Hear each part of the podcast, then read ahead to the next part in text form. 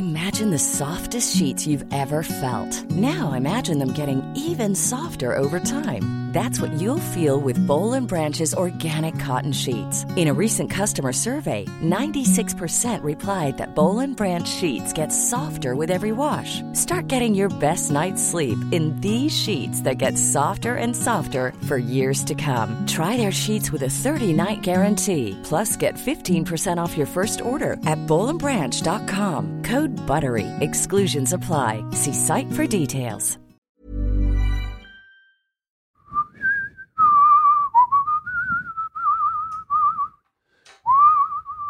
Okej, nu Mm. är det klart. Vad fint du visslar Fritte. Tack. Otroligt vacker ton. Ja, snäll du är. Mm. Men det handlar om vibratot, vet du.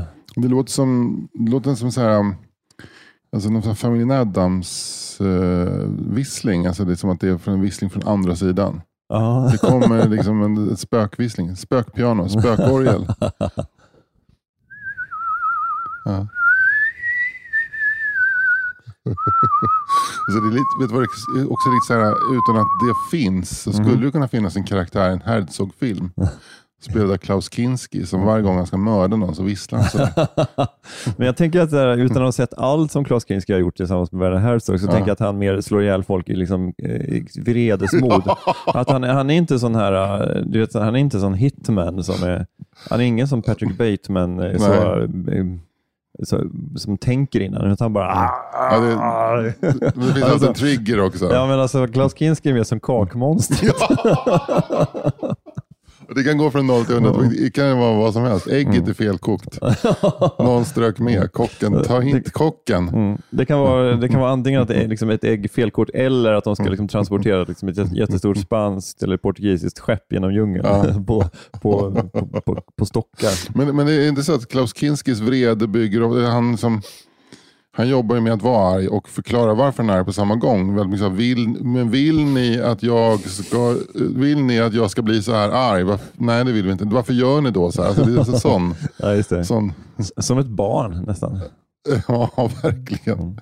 Ja, jag kan alldeles lite om Klaus Kinski för, för att kunna säga någonting vettigt om honom. Men, han, Men, man ser eh, den stora käften.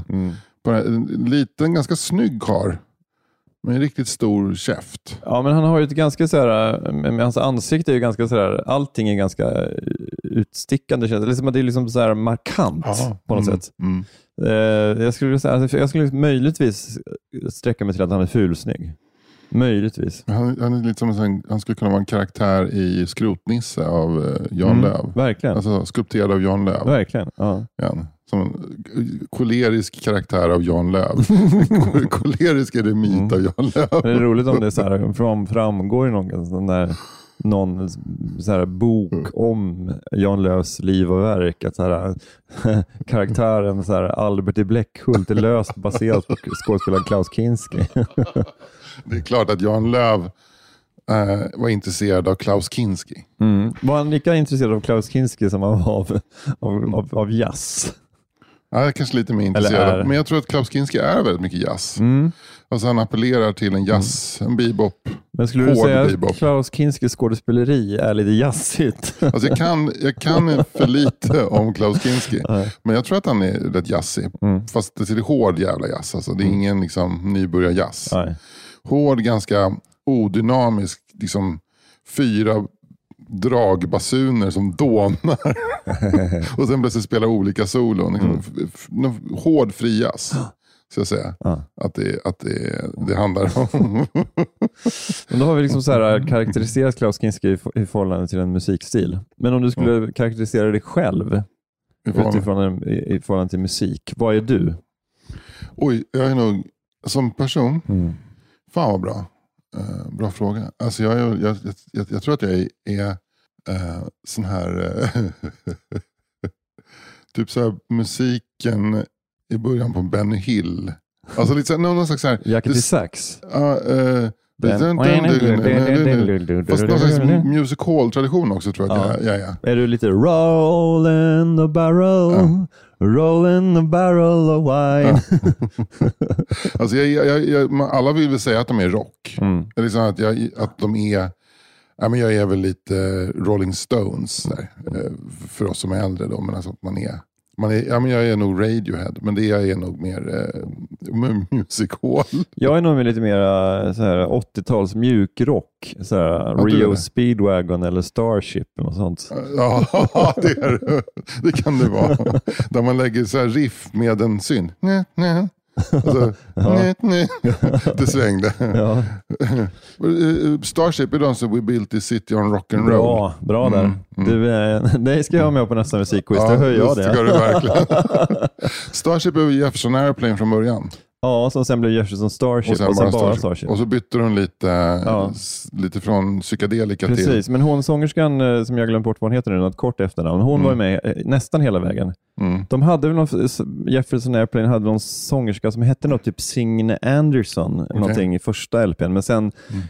Bailade hon ur. Jag vet inte om hon kände att hon skulle satsa på något annat eller så. Jag tror det var, det var ganska odramatiskt, men hon ville inte vara med längre. Och då kom den andra tjejen in som eh, också tog med sig ny energi in Ah. i, eh, i skeppet. Om du fattar vad jag menar. Och så, lite mer rock-style. Ja, kanske så. Men det är roligt med liksom urfläck, ur, urfläkningen, ur, utvecklingen där från Ja. eh, eh, Jefferson Airplane till, eh, till Men var det en, var det en, eh, liksom en upphovsrättsgrej som gjorde att de bytte namn till från Jefferson Nej, Airplane till Jefferson jag Starship? tror, jag tror att det var mer att de ville förnya sig. Men det, det här vet inte jag. Men eh, jag tror att det bara, det var Ja. lite så andra, vissa medlemmar följde med och andra inte. Då kände de Ja. väl att vi kan väl, liksom, vi kan väl anspela på att vi var Jefferson Men Airplane. det, jag måste säga så att det få rockband i världshistorien har väl så smidigt följt med sin tid Mm. som Jefferson Airplane. Ja, men de är, de är verkligen på 60-talet. Det är Liksom, är de verkligen 60-tal och på Mm. 80-talet är de verkligen 80-tal. Verkligen. De, liksom, de, de, de, skulle, de, de är vilken, vilken collegefilm som helst. Det är typ så här, eh, alltså man, kan, man, kan, man kan limma ihop eh, en, liksom en eh, experimentell brittisk film eh, av eh, någon så här experimentell brittisk regissör på slutet på 60 Typ så här Antonionis Blow-Up, Mm. Jeffersons, Jefferson Airplane. Mm. Men också Tillbaka till framtiden med Michael J Fox, Starship. Ja, Alltså det, de, de limmar sig jävla. Sen vet jag inte vad som hände på 90-talet med dem. Nej. Om de hade en grunge-period också. det var liksom så de fem stora, eller hur? eh, Nirvana, Soundgarden och, eh, Pearl Jam. och Al- Alice in Chains? Nej. Alice in Chains, Pearl Jam och Starship. ja. Och det, och då heter de inte Starship längre. Nej, Nej. de Starships. Ja, ja. Med TS på slutet. Mm. För att det skulle grungea till det lite. De hette, vad hette grungeband? Så här, Temple of the Dog och. Alice in. Chains. Och, Mm. De hade så jävla grungiga namn, men de var We Are Starship. Mm. We are Starship. One, two, three, four! Men det är schysst att de också har åldern inne för att gå runt i så här slitna jeans och stora lumberjacks. De är ändå i 40-årsåldern då på 90-talet. ja, om det räcker. Ja, precis. Ja. Någonstans, ja. Nu gör de så här trap. Det där brittiskt hårdkokt uh, Ja, rap. Ja, ja precis. så. Så står Storms i rap. Ja, sjunger de det, hur det är i förorten. Då sjunger de hur det är i, Mm. i Hackney. Ja, precis. Mm. Ja. Har du hört att eh, Stones, det rundar? Rundar är bara i mitt huvud. Jag tror att du är psyksjuk. Ja. Fan, jag har haft den känslan hela morgonen. Det, är något som Ja, det, det rundar inte i mina lurar, men det inte, innebär inte att det det inte kan vara bihålorna kanske. Ja, men rundar du hela tiden? Det rundar hela tiden. Jesus. Men du, eh, ska, ska, ska, vi, ringa sjuk, ska vi ringa sjukvårdsupplysningen eller ska, ska, vi, eller ska, vi, ska vi riffa på det? Vi riffar på det. Så här, riffade ända in i döden. Han riffade, liksom, riffade så böjde ner huvudet och riffade genom en stroke och en massiv hjärtinfarkt. Vad, vad igen. tänkte du på? Nej, men jag tänkte att det här är content. tänkte jag. Okej, men nu är Anders eh, en grönsak. Jo, jag vet, men det, det är också content. Jag, är fuck, jag var fan på väg in i något. Vad, pratade du om innan det började runda i mitt huvud? Vi pratade om Pearl Jam och men nu musik grunge, och följa med sin tid. Och, För med sin tid. Ja. Tra- jo, Stor- jo eh, om Hackney. Ja. Som är den, känner du till den här brittiska eh, kriminalserien som heter, eller, kriminal, eller ghetto-serien som heter, som heter Top Boy? Mm, ja, inte mer än till titeln. Nej, jag har inte sett den. Nej, men den, det är en, den, den, eh, kidsen älskar den. Mm. Men den utspelar sig i en förort, eller egentligen en del av London som heter Hackney, som är lite roughere. Sådär. Är det, är det tuffare än Brixton? Ja. Jag tror faktiskt att det är det, för Mm. Brixton har fått en helt annan. Brixton är lite gentrifierat. Brixton är ju en, du vet att eh, man, författarrummet som skrev Succession, alltså under Jesse Armstrongs ledning, satt i Brixton och skrev Okej. Succession. Som, en, som, en, som en kul grej eller de gjorde det bara? Det var kanske praktiskt, kanske var en lokalfråga tror jag. Ja. Jag var tvungen att vara i London för alla, alla bra manusförfattare var kommer Brian Cox ifrån då? En skotte va? Jajamensan, Mm. mycket bra. Han kommer från Dundee. Gör han? Ja, Eller Aberdeen. Ja, Dundee är han ifrån. Okej. Ja. ja. Ja. Jo men fan säger det så att nu har släpper Rolling Stones nytt på första gången på 18 år. Den, den plattan heter Hackney Sessions. Okej, så de, de De, är lite, de kapitaliserar. kör lite? Jefferson Airplane-prylen Ja. att försöka hänga med sin samtid. Mm. Så att de, Men det är ju också, men alltså, om det är några som kan så här, göra en skiva som heter Hackney Session så är det ju ändå Rolling Stones. För att de är ju ändå så här, de kan du säga så här, men hörni, vi var faktiskt i London innan. innan. Vi har varit i London ganska länge. Liksom. Vi har rört oss i, liksom, i det här. de är så gamla så att man kan, liksom, de kan ålders... Deras liksom, artefakter runt Rolling Stones kan man faktiskt använda kol 14-metoden för att åldersbestämma. Typ. man måste åldersbestämma, Ja. bli medlemmar i Rolling Stones med hjälp av kol 14-metoden. Rolling Stones de kan säga så här, vi, det var vi som skrev Roll in the barrel, roll in the barrel of wine. Welcome ladies and gentlemen. De spelade förband till Johann Sebastian Bach första gången. Ja, precis. Ja. de kommer från, de kommer från eh, typ Kent, alltså grevskapet Kent va? Eh, jag får passa på den, men, men, de, men de gjorde väl sitt namn i London, eller hur? De är, det betraktas ju som ett Londonband. eller? Ja absolut, Ja. absolut. men de kommer från övre medelklassen Mm. i Kent. Som, Mm. som så Iron Maiden som också kommer från så överklassområde. Eh, område. Och- En kvinna i grevskapet Kent, sin byst ut i solen så bränt, att dess klarröda sken syntes långt bort till Ven och ett skepp lär ha backat och vänt. Det är inte så många gator i varje stad som lyser om natten. Det är inte så många gator i stad som lyser om natten. Det är inte så många gator i varje stad som lyser om natten. Men en kicker som du kan väl bygga en annan väg om du får en linjalteckning av mig.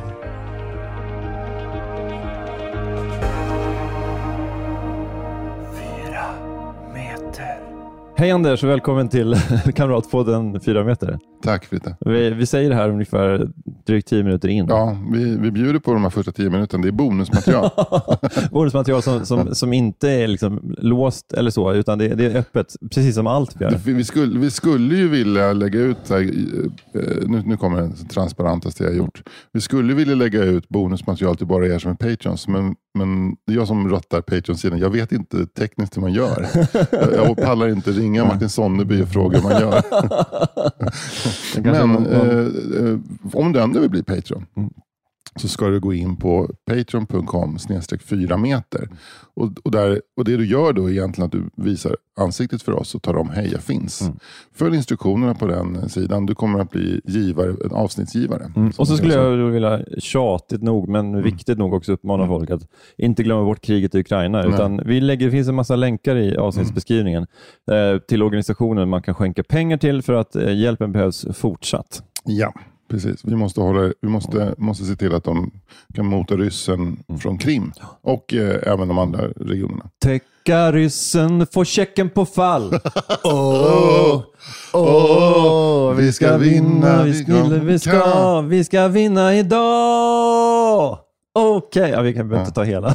Så jävla gruppboende-kompatibel låt. Så, Men snart kommer ju eh, hockeylåten sjungas på gruppboenden, eller så här äldreboenden över hela Sverige. Alltså när, när vår generation hamnar på äldreboenden, Ja då kommer det inte vara så här Lasse Dahlqvist Nej. och Harry då Brandelius. är det Håkan Söderqvist som får, är jättegammal själv, men Ja. som får komma. Men så här, en avatar föreställande Håkan Södergren ja, Södergren eh, heter får, han. eh, får då eh, sjunga hockeylåten eh, med, med hjälp av modern teknik såklart Mm. och all- alla vi då så här, pensionärs... Eh, Och vem- satt där borta och nickade till i en länstol? Håkan Södergren. Sjunger. så här, sjukt, sjukt att Håkan Södergren där står där och sjunger som avatar, så sitter Ja, han också i en, ja. en länstol. Ja. Jo, men det, jag ska komma tillbaka till här Patreon-grejen, för vi är nämligen en person som har följt den här uppmaningen redan i förväg. Ja, underbart. Vi har en ny Patreon. Och nu är han ombord, äntligen. Sebastian Nilsson. Sebastian Nilsson, Ja, helt mm. fantastiskt. Ja. Sebastian Nilsson är ju då militärmusiker. Japp. Han spelar, då, han spelar tuba. Mm. Jag trodde det var en liten flöjt han spelade. Nej, nej, nej, Sebastian Nilsson han är tubaist. Så dom, bom, bom, bata, bom, bom, bom. Ja, Fast det är inte så, så är det väl inte basgången på en, eh, en militärmarsch? Nej, mer- jag vet inte ens om, det, om, om, om, man, om man kan gå i... Nej, men man, man kan fan inte... Han spelar ju bastuba. Mm. Men det, det, det är för tungt att gå, gå med.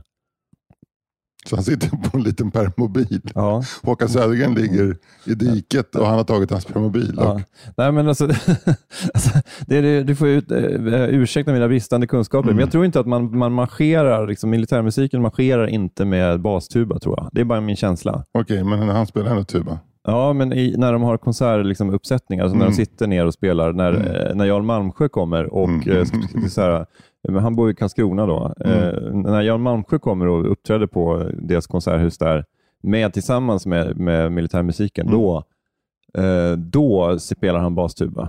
Men annars när de, när de, när de går, Mm. då, liksom, då kan han traktera andra blåsinstrument, Ja, bläckblåsinstrument. alltså, men det är ändå tyngre bläckblås. Ja, inte, han ja, visst, han, han går inte runt med den här bögiga flöjten. Nej, nej, nej, absolut inte. Nej. Här, han är ingen piccola-kille liksom. Det är som det amerikanska inbördeskriget-flöjt. Mm, precis. Ingen sån, Mm. Utan Sebastian är, ja, han är heltidsmusiker. Ja, han är heltidsmusiker. Ja. Han spelar då i mil liksom militärt, då, liksom Ja. i musikkår i Karlskrona. Är det valt med hjärtat eller var det så att han egentligen ville bli en skön eh, jazzmusiker på musikhögskolan men sen så fick han ett jobb? Nej, han, är, han är, älskar marschmusik. Han kom... Alltså inte så här på några, med, några så här fascistoida övertoner, utan han Nej. älskar bara marschmusik. ja.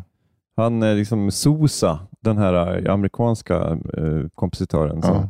som har gett namn till Sosafonen tror jag bland annat. Men Mm. han, eh, han älskar alla marscher egentligen. Mm. Söder, Södermanlands Närkes eh, Ja. Paradmarsch. Paradmarsch. Mm. Vad gillar han mest eh, Vad är han gillar mest med marsch? Eh. Är det upptakten eller är det liksom när man kommer igång, när droppet kommer? Man kommer igång. Nej, inte droppet, men när mm. man kommer igång. Sådär. Nej, men han gillar väl, säg det han inte gillar med marsch, musik. Han gillar ju att man, den, den är väldigt bra marscherat. Han, han, det är en sak som inte Sebastian gillar med marschmusik. Det är att de måste gå upp så tidigt. ja, Han är precis. väldigt Mm. trött, morgontrött. Ja, det här med revelj är inte, inte Nej, hans det är grej. inte hans grej. Men, men eh, däremot, han älskar att åka till den här Military Tattoo i Ystad. Oj. Det är en sån här otroligt jättestor eh, militärmusikfestival. Ja. eh, där han får träffa liksom, militärmusiker Ja. från det. Från Polen, det är från Litauen, Tyskland, Italien, Kroatien. Mm. Kommer de med sina små kravatter och eh, sina militärmusikmarscher från liksom, olika kulturella och språkliga områden. Har han någon favoritområde när det gäller marsch? Eh, ja, men det är väl, liksom, det, är väl eh, Sverige och USA Ja. tror jag, som är de, det är de stora. Liksom. Det är som när det gäller eh, populärmusik. Ja, men det är ju Mm. så här, mycket av den bästa popmusiken kommer från USA och England. Så är Och med Sverige. marschen, och Sverige. Det är liksom de länderna som dominerar. Kan man säga. ja, det är samma där. Marschbältet. Ja. Men, men, eh, är, han, men, är, är det här någonting som han har upptäckt själv eller, eller är han fallen på en, en, en linje av marschälskare? Ja, han, är- han har ju liksom en eh, musik i släkten Mm. och militär i släkten, Mm. men ingen som har kombinerat de här två. Så han är den första som på något sätt förstår att de här två intressena kan kombineras. Musik och militär. Ja, men intresset för liksom, uniformer, putsade skor och liksom hela, hela så här, exercisen och allting runt omkring. Och, alltså det, han, det, det, det här är ett skönhetsvärde för honom. Precis som på samma sätt som att någon älskar liksom, att titta på ett gammalt så här, välputsat Mm. ånglokomotiv. Mm. Och så. Men Sebastian, är, är, han, är han också ivrar han också för ett starkt försvar? Och, och, Nej, han är, han är inte, det, det, det är inte hans intresse. han är liksom intresserad av det liksom på något sätt så här, Ja, men han, ty- han, han, tycker liksom att försvaret ska finnas av, så här, av på samma sätt som att Riksantikvarieämbetet så här, värnar om bra hus. ja okej. Alltså att, att han ser försvaret är mer som en, det är som en eh, artefakt och på något sätt som, det är någonting som är värt att vårda tycker han. Mm. Ja, men det är mer kulturhistoriskt Ja. än, eh, Mm. än Han, försvarspolitiskt. han är nog mer intresserad av, av eh, ja, men, liksom, vård av gamla regementsområden än Mm. att svenska ungdomar ska åka till Mali och Afghanistan. Så han gillar att gå på, på gamla, gamla regementsområdet i Karlstad och titta på liksom hur Mm. Han- tegel här, möter asfalt. Varje här. gång han, liksom, han kommer till regementsområdet som har blivit omvandlat till högskola eller Mm. företagscenter så gråter han en liten skratt. Ja, men då är han ändå lite militärt eh, intresserad också. Liksom, för han tycker att det borde finnas fler militärer. Ja, han tycker att det var konstigt att liksom allting lades ner och så nu, ja, nu ska det byggas upp igen och tydligen. Där tänker han att så men det kanske man kunde ha varit lite mera ihärdig. Så. Ja. Ja, titta på Finland, säger han ibland. Så här, vad bra de är. Var, liksom- inför pandemin då hade de, ju, de hade lager av livsmedel och, och eh, medicinsk utrustning och, och läkemedel och sådär. Men det är inte så att han lite så här, eh, att Sebastian lite är, är som säkert en vissa är lite så här smygglada över kriget i Ukraina för det har ändå skyndat på en upprustning i Sverige, en mobilisering i Sverige. Mm, nej, han Nej, lider bara han, med, han, med har, ukrainska han folket. på Ja. Annars då civilstånd, Han är ogift, ogift? mm, men han är då eh, sambo med en kvinna som har två barn i en tidigare relation. Okej, hur, gamla? De är 6 och 8 Ja. och eh, han har en väldigt fin relation till dem. Mm. Eh, däremot är det lite komplicerat med exmannen. Vem är det då? Eh, det är en kille som heter Patrik. Och På vilket sätt är det komplicerat? Eh, nej men alltså exmannen, ja, men det är väldigt så här, eh, han är väldigt oflexibel. Ja. Sebastian tycker att men det är så här, det är lämning, så här, kan man höra av sig, så här, du Mm. kan vi hämta lite tidigare, Mm. lite senare, eller så här, den, här, den här helgen är det handbollscup och så här, kan vi hämta då så kan vi skjutsa och så här. Och han är väldigt så här, ah, det, ja. Jag fattar. Vilket Det- är liksom också, liksom, Sebastian han är ju så här militärmusiker, han är ju van vid liksom, Mm. tid, ordning och reda, Mm. men han, han tycker att när livet ska levas, då kan Mm. man inte hålla på och liksom, gå by the book hela tiden. Jag fattar, så. det där är intressant. En intressant liksom, dualitet i, i, eh, i, kall- i, kallar man för det? Kognitiv dissonans. Mm. Att han å ena sidan gillar marschen och liksom det taktfasta och ordning, men Mm. han tycker ändå man kan, kan inte vara lite flexibel. Nu, om det till exempel är någon slags militärträff eller musikträff i ja, Wuppertal Mm. i Tyskland. Såklart. Ja. Eh, Så då vill han kunna ta med sig både Marianne och, och ungarna. Mm. Eh, Men det går inte därför att det är Patriks vecka då. Ja. Och det är, Mm. det är överlämning precis när hela familjen skulle checka in på hotellet i Wuppertal. Mm. Just det. Dit de har tagit sig på en sån här svävande... Schwebebahn. Ja. Åh, nu ringer det här, vänta. Mm. Det är Sebastian Nilsson. Det är helt sjukt. Jag, det, jag, men jag kan inte ta det, jag får ta det sen. Mm. Men du hälsar honom då. Men eh, det har ju blivit lite islossning. Ja. För att eh, en, Patrik skulle lämna barnen hemma hos Sebastian Mm. och Marianne. Mm. Då. Eh, Marianne är ju också så här sjukt att hon heter Marianne med tanke på Mm. att hon är 38 år gammal. ja, men eh, Men, men hon, det, är- Ja. hon är en av de få som liksom, det är, liksom, det är så här en, en eh, anakronism så, att hon heter Mm. Marianne. konstigt egentligen att just det namnet också är sådär, äh, känns anakronistiskt, för det är så vackert. Det flyter ju fram som en fjällbäck, Marianne. Mm. Tänk dig, tänk dig en, eh, en godis insvept i ett rödvitt eh, fodral. Eller, Ja. ja. Tänk dig ett, eh, ett grammofonbolag. Ja. Marianne, eller hur? Ja, Det jag, det tänker man på, tänker det. Ja, jag Ja. tänker på godiset faktiskt. Det jag tänker på. Men det det blev lite islossning för Patrik skulle ju lämna då och Marianne var borta. Mm. Och Då tog Sebastian emot. Mm. Det var liksom lördag eftermiddag, det var så Mm. överlämning och då, ja, men barnen var ute och liksom lekte i, Mm. i den här uh, uppblåsbara poolen. Det var så här Mm. härlig dag. Och Då frågade Sebastian om Patrik inte ville stanna på en, på en öl. Mm. Och, och Sen så blev det faktiskt tre öl och en whiskypinne. Mm. Och då på något sätt satt de liksom, att de kom liksom En förbi. det. treetta. Exakt, exakt Ja. precis. Som Sebastian skulle ha skrivit. Ja, en treetta. Ja. Eh, eh, precis. Eh, För Patrik var det bara en rejäl stänkare. Ja, men, eller som man skulle beskriva det, en triol med format. men eh, vad heter det? Ja, men precis. Men, Mm. men då, då kom de under ytan på varandra lite grann. Och eh, Det var faktiskt lite rörande. Patrik började till och med gråta. Över Marianne. Eh, ja, lite över livet, att det inte hade blivit Mm. som han hade tänkt sig. För Mm. att liksom när han, när de, han, det var han som ville skiljas och, och sen hade han liksom inte riktigt kommit på fötter igen. Det var inte så att han var totalt under isen, alkoholiserad och så, men det var alltså att, det, det, han hade inte samma harmoni. Liksom. Han Nej. hade ingen harmoni innan heller, men han kom Nej. på att ja, men det kanske inte var Marianne och barnens fel då. Och sådär, och, ja, men det blev till och med så att Sebastian gav honom en kram innan han gick. Mm. och så. så Men det eh, upprättades det liksom en kanal mellan Sebastian och Patrik efter det, som de håller en, en, liksom en, en tråd. ja, de har en egen tråd. Mm. Sådär.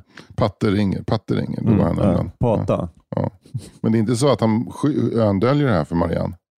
Att hon har- hon vet att hon, att hon har en egen kanal Nej, till det, nej, men Marianne tycker det är bra. Ja. Marianne gillar ja, ju hon är det. Jättelättad. Ja, hon är lättad som fan. Att hon, men, men Sebastian Nilsson eh, är som en kille som lever livet som, som det ofta är. ja, men Alltså, han är ju det- han är ju en, en ganska vanlig man. Ja, Men, men eh, med hjärtat på rätta stället. Ja. Precis som många andra svenskar. ja, verkligen. Försöker liksom ein, ein Mensch. Det kan jag vittna om. Gör så eftersom- gott han kan. Ja, ja, och jag kan vittna om det eftersom jag har träffat Sebastian Nilsson. Eh, faktiskt. Och vet du en sak? Nej. Allt det du sa stämde på pricken. Helt sjukt. Lite med viss, viss små detaljer som ska Ska du justeras. ta whisky på det eller? Ta- Tre öl och en whisky. En, en så kallad treetta. Imagine the softest sheets you've ever felt. Now imagine them getting even softer over time. That's what you'll feel with Bowl and Branch's organic cotton sheets. In a recent customer survey, 96% replied that Bowl and Branch sheets get softer with every wash. Start getting your best night's sleep in these sheets that get softer and softer for years to come. Try their sheets with a 30-night guarantee. Plus, get 15% off your first order at bowlandbranch.com. Code BUTTERY. Exclusions apply. See site for details. Everyone knows therapy is great for solving problems, but getting therapy has its own problems too, like finding the right therapist, fitting into their schedule, and of course, the cost. Well, BetterHelp can solve those problems. It's totally online and built around your schedule. It's surprisingly affordable too. Connect with a credentialed therapist by phone, video, or online chat, all from the comfort of your home. Visit betterhelp.com to learn more and save 10% on your first month. That's BetterHelp H E L P.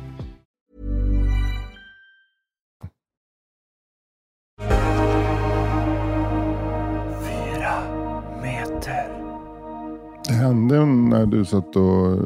Det var inte Sebastian som ringde. Var det inte det? Nej, det var en, en arbetskollega som ringde. Och Då tryckte jag på den där fiffiga knappen, kan jag ringa upp om en stund? Mm. Och sen så nu efter att vi hade pratat färdigt om Sebastian så tänkte jag, jag ringer min kollega. Mm. Och då tryckte han på den där knappen. och det hade kanske bara gått två minuter. Ja. Och då så, så, så tänkte jag, det som händer är att då kommer han ju ringa om en stund och då kommer jag också trycka på den knappen. så då skickade jag ett meddelande till honom som var så här, jag sitter i inspelning av podd. Jag ringer dig när vi är klara. Mm. Men jag tror att han kommer trycka på knappen då också. Folk, folk är, Bara för att? nej, jag tror att folk är så jävla busy. Mm. Hela tiden. Svårt att få tag på folk.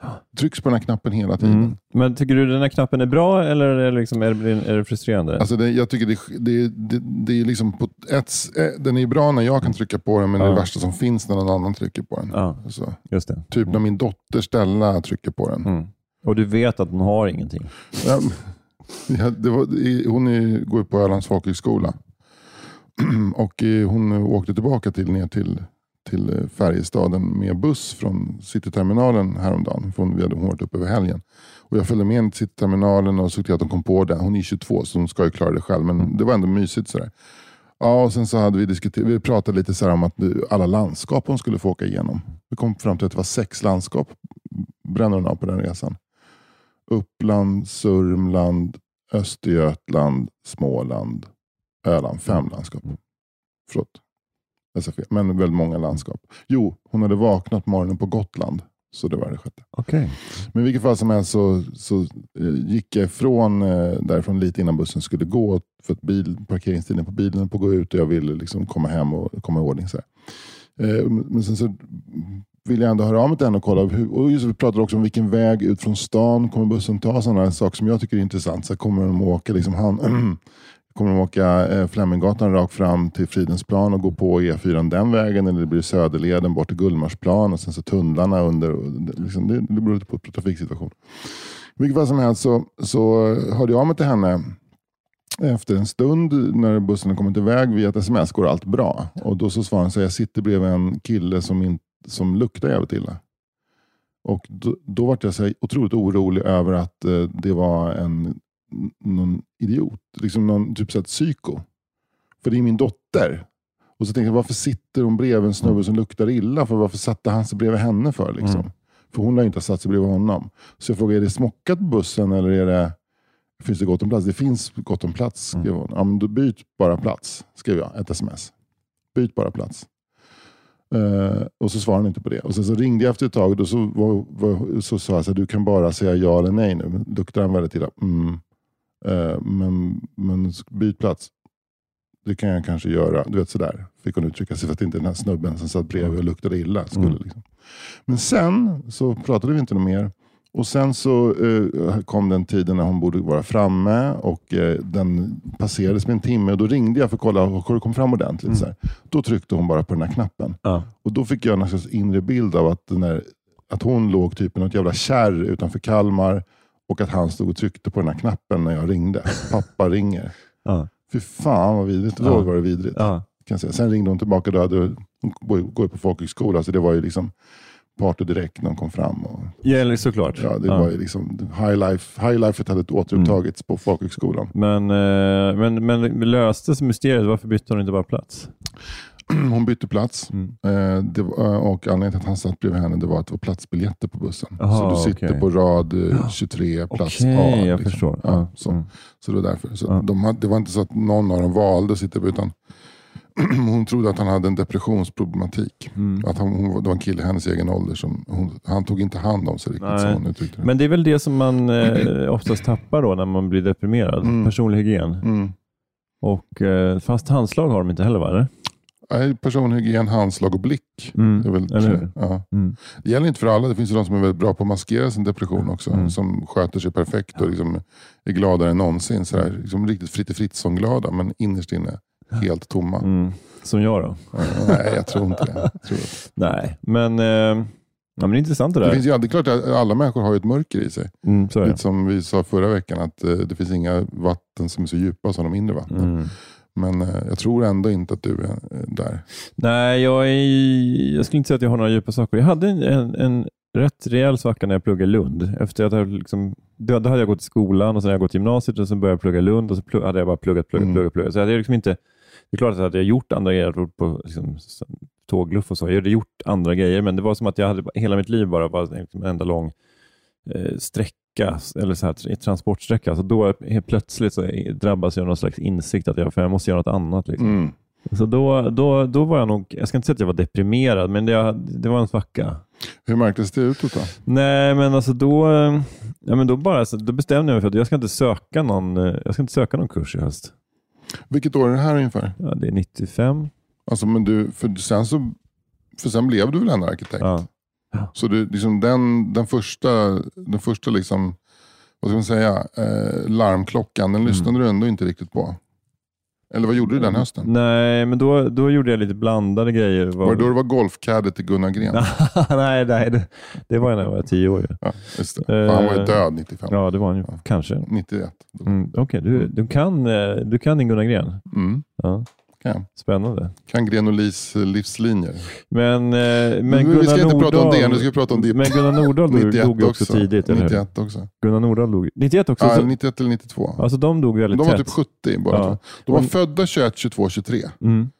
Eh, Men, eh, men både Gunnar Gren och Gunnar Nordahl, de blev bara 70. Mm. Nisse Lidholm däremot, 07. ja, levde i i en evighet kan man säga. Ja, han levde Nej, en- inte riktigt. Nej, men han blev, han blev liksom lite äldre. Ja. Jag tror han hade uppdrag inom Roma på 90-talet fortfarande. Ja. Men Nisse Lidholm var väl den som efter karriären verkligen fick en, ytterligare en karriär. Alltså som tränare. Han Ja. var ju verkligen eh, Ja. upphöjd. Han ansågs väl också vara den bästa av, av de tre som fotbollsspelare. Ja, fast de- var de inte också ganska olika just på det sättet? Jag kan inte dem. Men Gunnar Nordahl ka- kallades för typ Il Canoniere. Mm. Alltså han var ju, han var ju liksom, jävla bössa. ja, men han hade ju så stor och stark centertank. Liksom. Jävla bössa. Mm. Och, eh, och Gunnar Gren kallades ju för Il Professore. Han var ju den kluriga mittfältaren. Och det är kanske lite så här... eh, ja, men han var en liten bolltrollare på mitten. Mm. Lite, kanske åt Zidane-hållet möjligtvis, Mm. men med den tidens mått. Alltså lite så här, eh, Hjalm, jag vet han, eh, Ekdal, vad heter han? Niklas Ekdal, vad heter han? Fotbollsspelare? Albin Ekdal. Albin Ekdal. Mm. Nej, men Albin Lite Ekdal skulle jag snarare säga drar åt Nisse Lidholm-hållet. Okej. För Nisse Lidholm, kan, alltså om det var så att han hette typ Il Conte, va? Ja, Ja, greven alltså. greven, ja. Att han, var liksom, han hade, liksom, det var, han hade liksom en, en fin hållning på planen. Mm. Framförallt. Det, det, det, det är framförallt det man förknippar med Albin Ekdal också. Att han har så fin kroppshållning. Tills knät går. Ja. Men eh, att han är liksom lite av en sån här, eh, ja, men en general och sammanhållande kraft på mittfältet. Mm. Så. Mm. Eh, sen vet jag inte om de var mittfältare för liksom fullt ut på den, den tiden. Det, det fanns ju då, man var ju där till höger, eller center och höger inner, höger ytter. Bla, bla, bla, så. Det känns som att fotbollen var ett helt, an, helt annorlunda då. Att man, du, så här, det var som en gentleman's agreement Mm. mellan lagen. Att om jag, försöker, om jag passar till honom, då går inte du och bryter den passningen. Utan det är så här, pass, Mm. bredsida, pass. Och då står liksom backen och väntar på nästa drag. Ja, ja. Det är som schack. Ja, men man kollar då på går de in gamla- och bryter passningar. Nej, men om man kollar på gamla filmer från 80-talet, Mm. så här från VM-turneringar och sådär, Mm. så, Så ibland så känns det som att det är så här, de, de börjar vid målvakten och det är liksom ingen som pressar. Nej. Utan bara, de slår upp bollen Mm. till mittlinjen Mm. och där är det någon som möter. Det är, liksom, det, det är, inga, det är inga motståndare där. Jag vet inte var fan de är någonstans. Är de ute och liksom Snart. dricker kaffe vid sidlinjen. Liksom. Och sen så småningom så Ja. börjar de pressa. Mm. Men, men idag så du, liksom, du, du har ju knappt, du har ingen chans. Liksom. Du Målvakt, måste- jag, jag såg, du såg väl också inför matchen, inför Sverige-Österrike-matchen, eh, att de hade en intervju med Robin Olsson.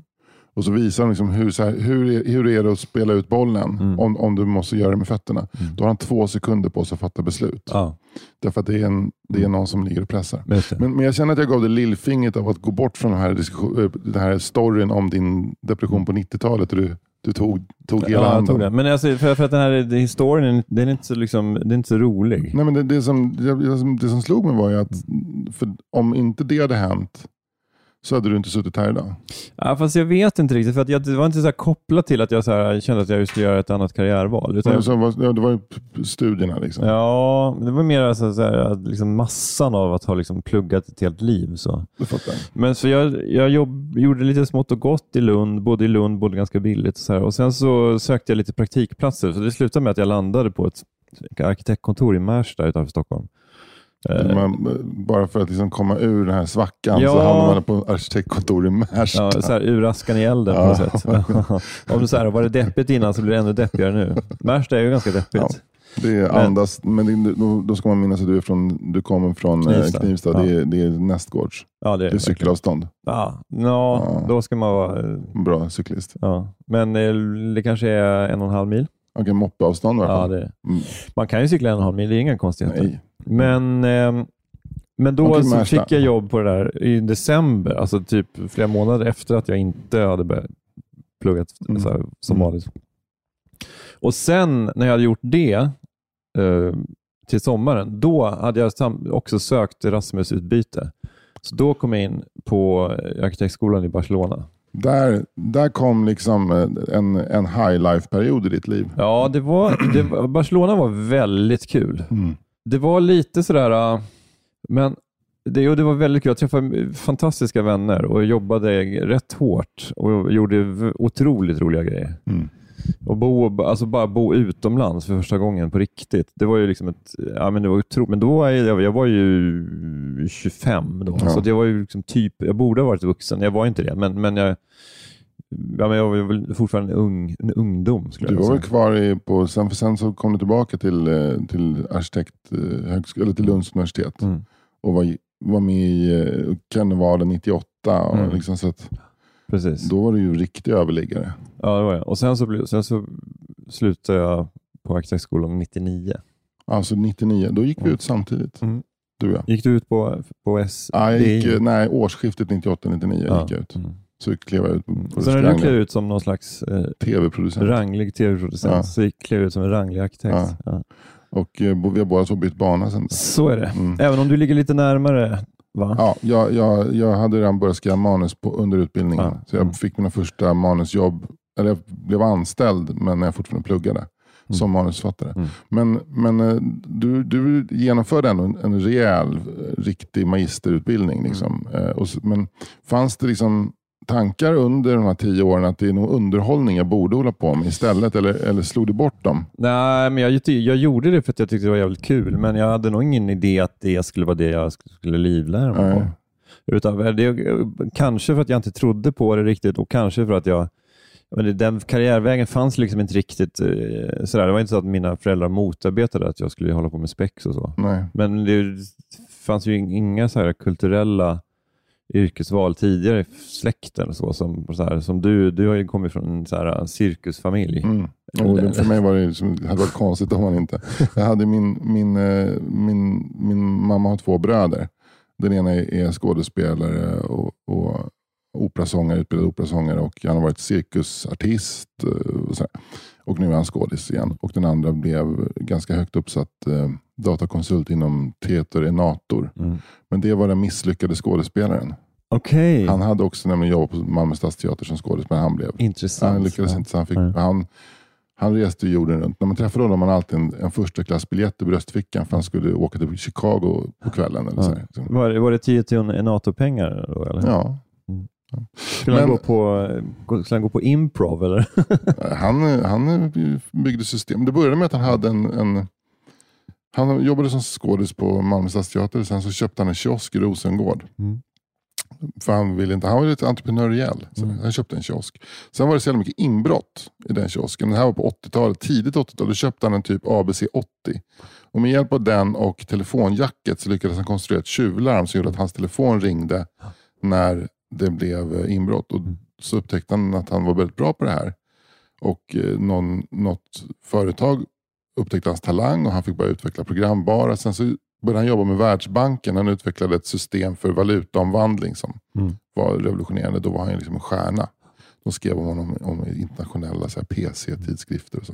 Eh, men men det var ändå så att han, var, han lyckades inte som skådespelare. Men kände, kände du Alltså på bara för honom? att tala om min släkts liksom, eh, kärlek till varieté och skådespeleri. Men var det någonting som märktes när man träffade honom, att, han liksom var, att det gick bra för honom rent professionellt, men att han så här, saknar den här tiljorna? Eller?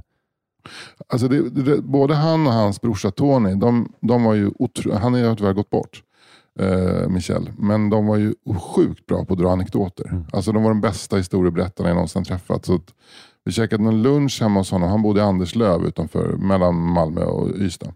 Som tyvärr inte har något systembolag längre. Nej, jag vet inte om de hade det då heller. Det här var för 15, eh, 20 år sedan Men de kanske. hade det då tror jag. Okej, ja. Fan vad du kan. Du kan så jävla mycket. Ja, Det är det, det, fascinerande. det, det, det, Ja, men det, är ändå, det där är ändå så här, det, är- det är du. Och veta om det finns systembolag i Anderslöv. Men jag har ändå bott i Skåne och då läser man ju Sydsvenskan, så att liksom, han har ju följt det. Jag, jag vill nu, säga, nu vill jag säga en random ort i Sverige och så ska du säga om det finns systembolag där eller ja, inte. ja. Grangärde. Nej, jag skulle säga typ att det inte finns. Nej, jag tror inte heller Nej. det. Sunnansjö då? Nej, det finns inte det heller. Nej, det är nog Ludvika som gäller. Ja, Ja. jag tror det. Okej, men Emma-Ljunga? Emma Ljunga, nej det finns inget, jag tror inte det finns något systembolag där heller. Nej. Emma Boda däremot, absolut. Absolut. Oj, oj, oj. oj, oj. Ja. Men, men, eh, nej, men eh, de, då, då så käkade vi lunch hos eh, honom, Anders Löv, och sen så eh, först visade han sin matematiska, han var extremt matematisk, för han hade byggt en, en trä, trädäck utanför villan. Eh, och då så ville han berätta hur många skruvar som hade gått åt. Kan du gissa hur många skruvar? På så här, att liksom, det, är det var intressant. Det hade han räknat. Wow, Ja. Men, han- ja. Men sen så satt vi och käkade lunch. eh, Det var jävligt trevligt. eh, Och eh, så, bara ska vi, så började han och Tony dra anekdoter från cirkuslivet. Och då var det så här. Okej, nu börjar det, bästa radioprogrammet jag någonsin har hört. Mm. För de var så jävla bra på att dra anekdoter. Mm. Och så lite så här, det, det stämmer inte. Det var nämligen så här. Bla bla bla bla. Men där, där ångrar du att du inte hade liksom inspelningsutrustning med dig? Ja, det, verkligen. Och tyvärr så är han borta. Men Tony lever fortfarande Okej. och är, eh, eh, alltså hans lillebror, sjukt bra på att dra anekdoter. Ja. En Riktig anekdotmästare. Mm. Men det är Tony Rodin? Tony Rodin, ja, som, är, som, som har varit med i uh, Snedtänkt flera gånger och pratat om, om varieté och cirkus och Ja. även knäppa upp och sånt där. Mm. Ja. Men, men, eh, men eh, för, du, för du var ju liksom 34-35 när du valde att liksom kasta alla de här tio åren, alla studieskuld, studiemedel som du hade tagit och liksom året bara, som- bara på sophögen och börja en ny karriär. Fågel Fenix? Vad hände? Kan du, kan du bara... För det, det, där, det där fascinerar mig rätt djupt. För nu Mm. sitter du ju ändå här femt, eh, 15-16 år senare. I, liksom, du är, du är, en, du är liksom på något sätt så monetärt sett framgångsrik innan du gör det, även som publikt sett. Du har lyckats. Liksom. Ja, det, det, Och då ska man inte bara prata om att du bor i ett jättefint radhus i Gröndal. Utan liksom du, du är ju rätt avslappnad, aktad. Det märker man ju när man träffar folk i branschen. att de, de, de har liksom en, ja, det finns en aktning. Men du har haft en ganska kort tid egentligen. Ja, men det är ju eh, viktigt för mig att vara aktad. Va? Nej, men den korta, korta varianten är väl Viktiga att... grejer i livet. Nej, men ja, jag det är blev- rent, rent under Mm. eh, aktning. Mm. Nej, men jag blev klar med arkitektstudierna 99 Mm. och då, då eh, var jag tillsammans med en tjej Mm. och vi förlo- förlovade oss. Mm. Fick tre barn. Nej, men vi flyttade ihop Mm. eh, och bodde i Malmö. Och Då kände jag väl att det var någonting som saknades i mitt liv. Eh, att då hade jag på något sätt tänkt att ja, men det här med underhållning och så, Det, det, men det behöver jag inte göra nu, för nu har jag liksom mitt, jag har fast jobb och bostadsrätt. Och Precis, för det måste, fest, ha slagit fler, och sådär. för det måste ha slagit dig flera gånger under 90-talet att fan, det här är jag riktigt bra på. Ja, fast det, det var ju också det, paradoxalt nog i Lund, man höll ju på liksom med spex och revyer och karnevaler och sådär. Och eh, Man var väl ganska bra, men det var ju också ganska många som var bra. Så att just det där, alltså vem, vem som var riktigt bra, det visste man. Eller man visste vilka som sjöng bäst och så Mm. i spexen och så. Men, och att, att Johan Wester och Anders Jansson var jätteroliga och sådär. Man kände att de kommer att komma på tv. Det, det, det fattar man. De var lite generationen innan oss. Ja, De är typ 65 er Ja, de är nog kanske födda 68 eller så, eller Okej. 67. Mm, Men, mm. alltså, men så de, ja, men några år äldre bara, men de var ju liksom en karneval innan. Liksom. Mm. Så här, en karnevalcykel, Mm. eftersom det, man, man räknar i fyra års cykler. Så här. Men, eh, men så, så det, var liksom, det var ganska svårt att säga, ja, men vem kommer att jo- jobba vidare med det här? Liksom. Mm.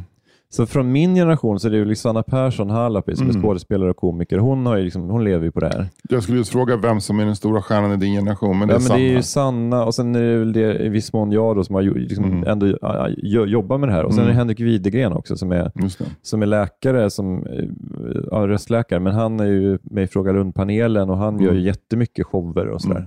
Eh, Han är bra på scen. Ja, och han är ju han är jättebra på framförallt på att skriva, skriva låtar och framföra. Mm. Så han har ju liksom en internationell karriär. Han skriver så här mycket så här sjukvårdslåtar och sånt. Det var du och Henrik som sjöng kuplett från Chris, för Christo va? Nej, Henrik var inte med där faktiskt. Men eh, vad heter det? Jo, men, men Mm. tillbaka till historien då. Mm. Så då kände jag att det saknades någonting. Men då, då började jag och min kompis Magnus Erlandsson, som jag gjorde jättemycket grejer med på 90-talet. Mm. Då började vi eh, sätta upp små liksom, shower på en restaurang som heter Möllan i Malmö. Mm. Och det här var typ 2002-2003 någon gång. Och Då hade jag, då hade jag separerat från den här tjejen och då, då, då gjorde vi det. Och vi gjorde Men det här var fortfarande bisyssla. Ja, det var bisyssla. Mm. Men då, då, då, eh, då gjorde vi jättemycket så här karaktärer. Vi hade massa olika, Suno Gabriel och Jim och Jan och, och eh, alltså Walter Fuchs. Och det var va- eh, väldigt många olika karaktärer som vi Mm. baserade det här på. Så hade gästartister och, och sådär. Så vi, var ganska, vi satsade ganska mycket på de här kabaréerna och hade skitkul med det. Och Sen så blev det så att vi var med i en humorshow som hette Extra Allt som var i Malmö 2004.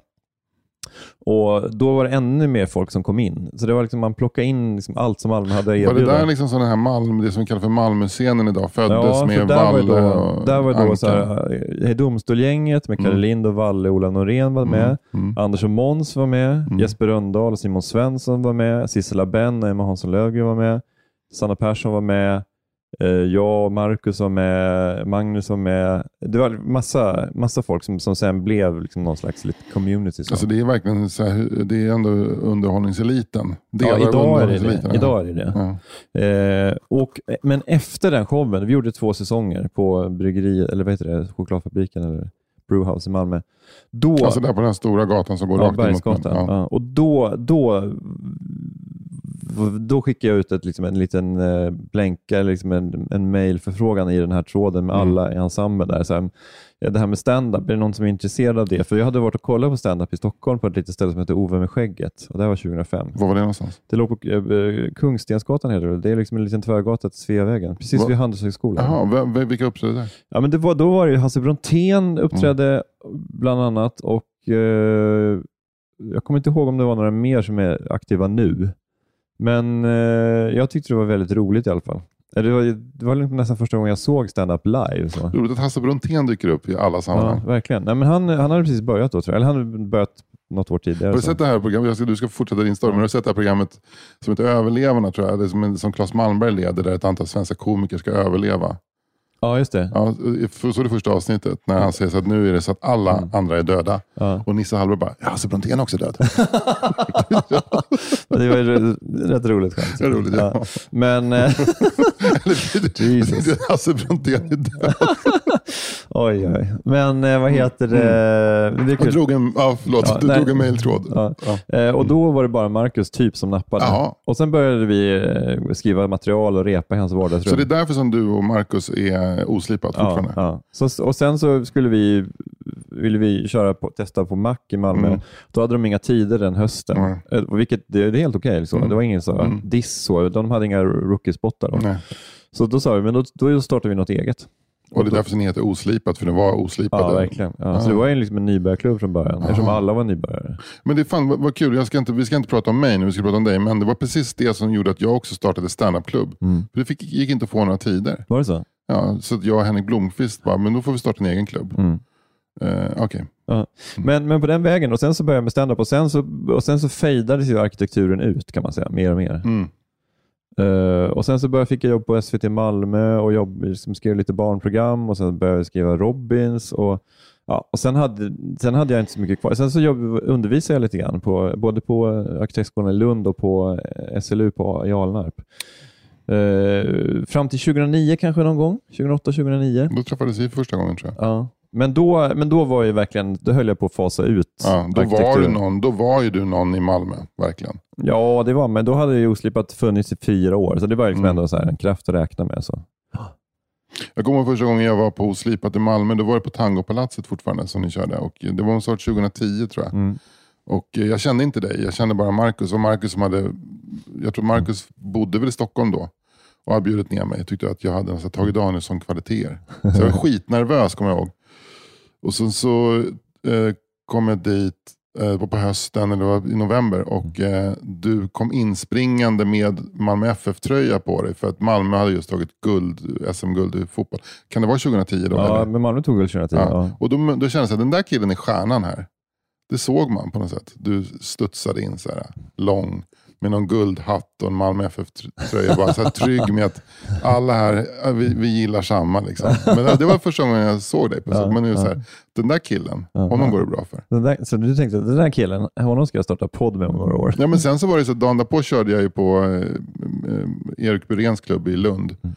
Och eh, skulle ta nattåget hem. Och så när jag klev på och in i min sovkupé, då låg du där. För du skulle också upp till Stockholm. Ja. Det var ju väldigt Det är härligt. härligt. Och vet du vilka som också var på det tåget? Ja, det vet jag. Det var ehm, eh, Pont, vad fan heter han? Pontus, han, eh, Pontus Enhörning? Pontus Enhörning och Mm.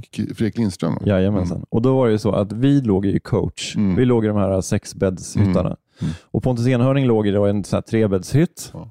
Och Fredrik Lindström hade egen hytt. Åh, jävla Han hade varit, nämligen varit gäst på Robins. Ja. Det var första gången jag träffade Fredrik. Så han, men det var, han var trevlig redan då. Han gick ut och tog en bärs med redaktionen efteråt. Mycket eh, sympatiskt. Ja, du jobbade på Robins då också? alltså. Ja. Men då, då är det 2010, då, då har du... Då, Då, för- jag, då bor jag i Stockholm.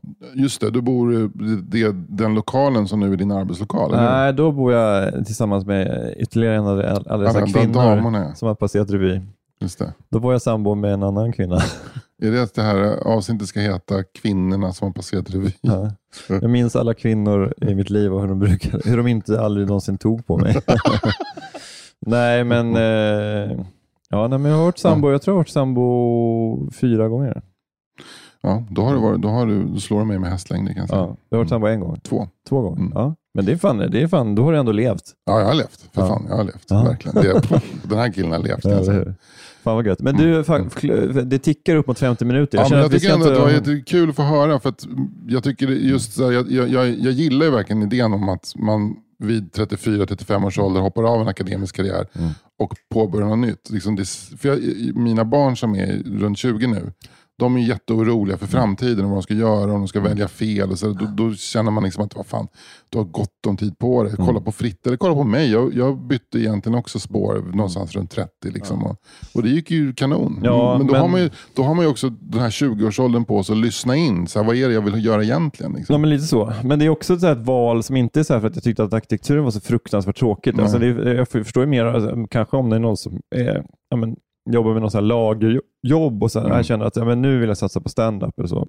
Om det, är ett, om det är ett jobb som kanske inte så här, ja, men i första hand är någonting som så här, fyller, liksom, checkar alla boxarna på ett liksom, Mm. meningsfullt jobb. Mm. Även om det kan vara skitkul att jobba på lager såklart. Du, får- du jag inget fel med det. Nej, du förstår vad jag menar.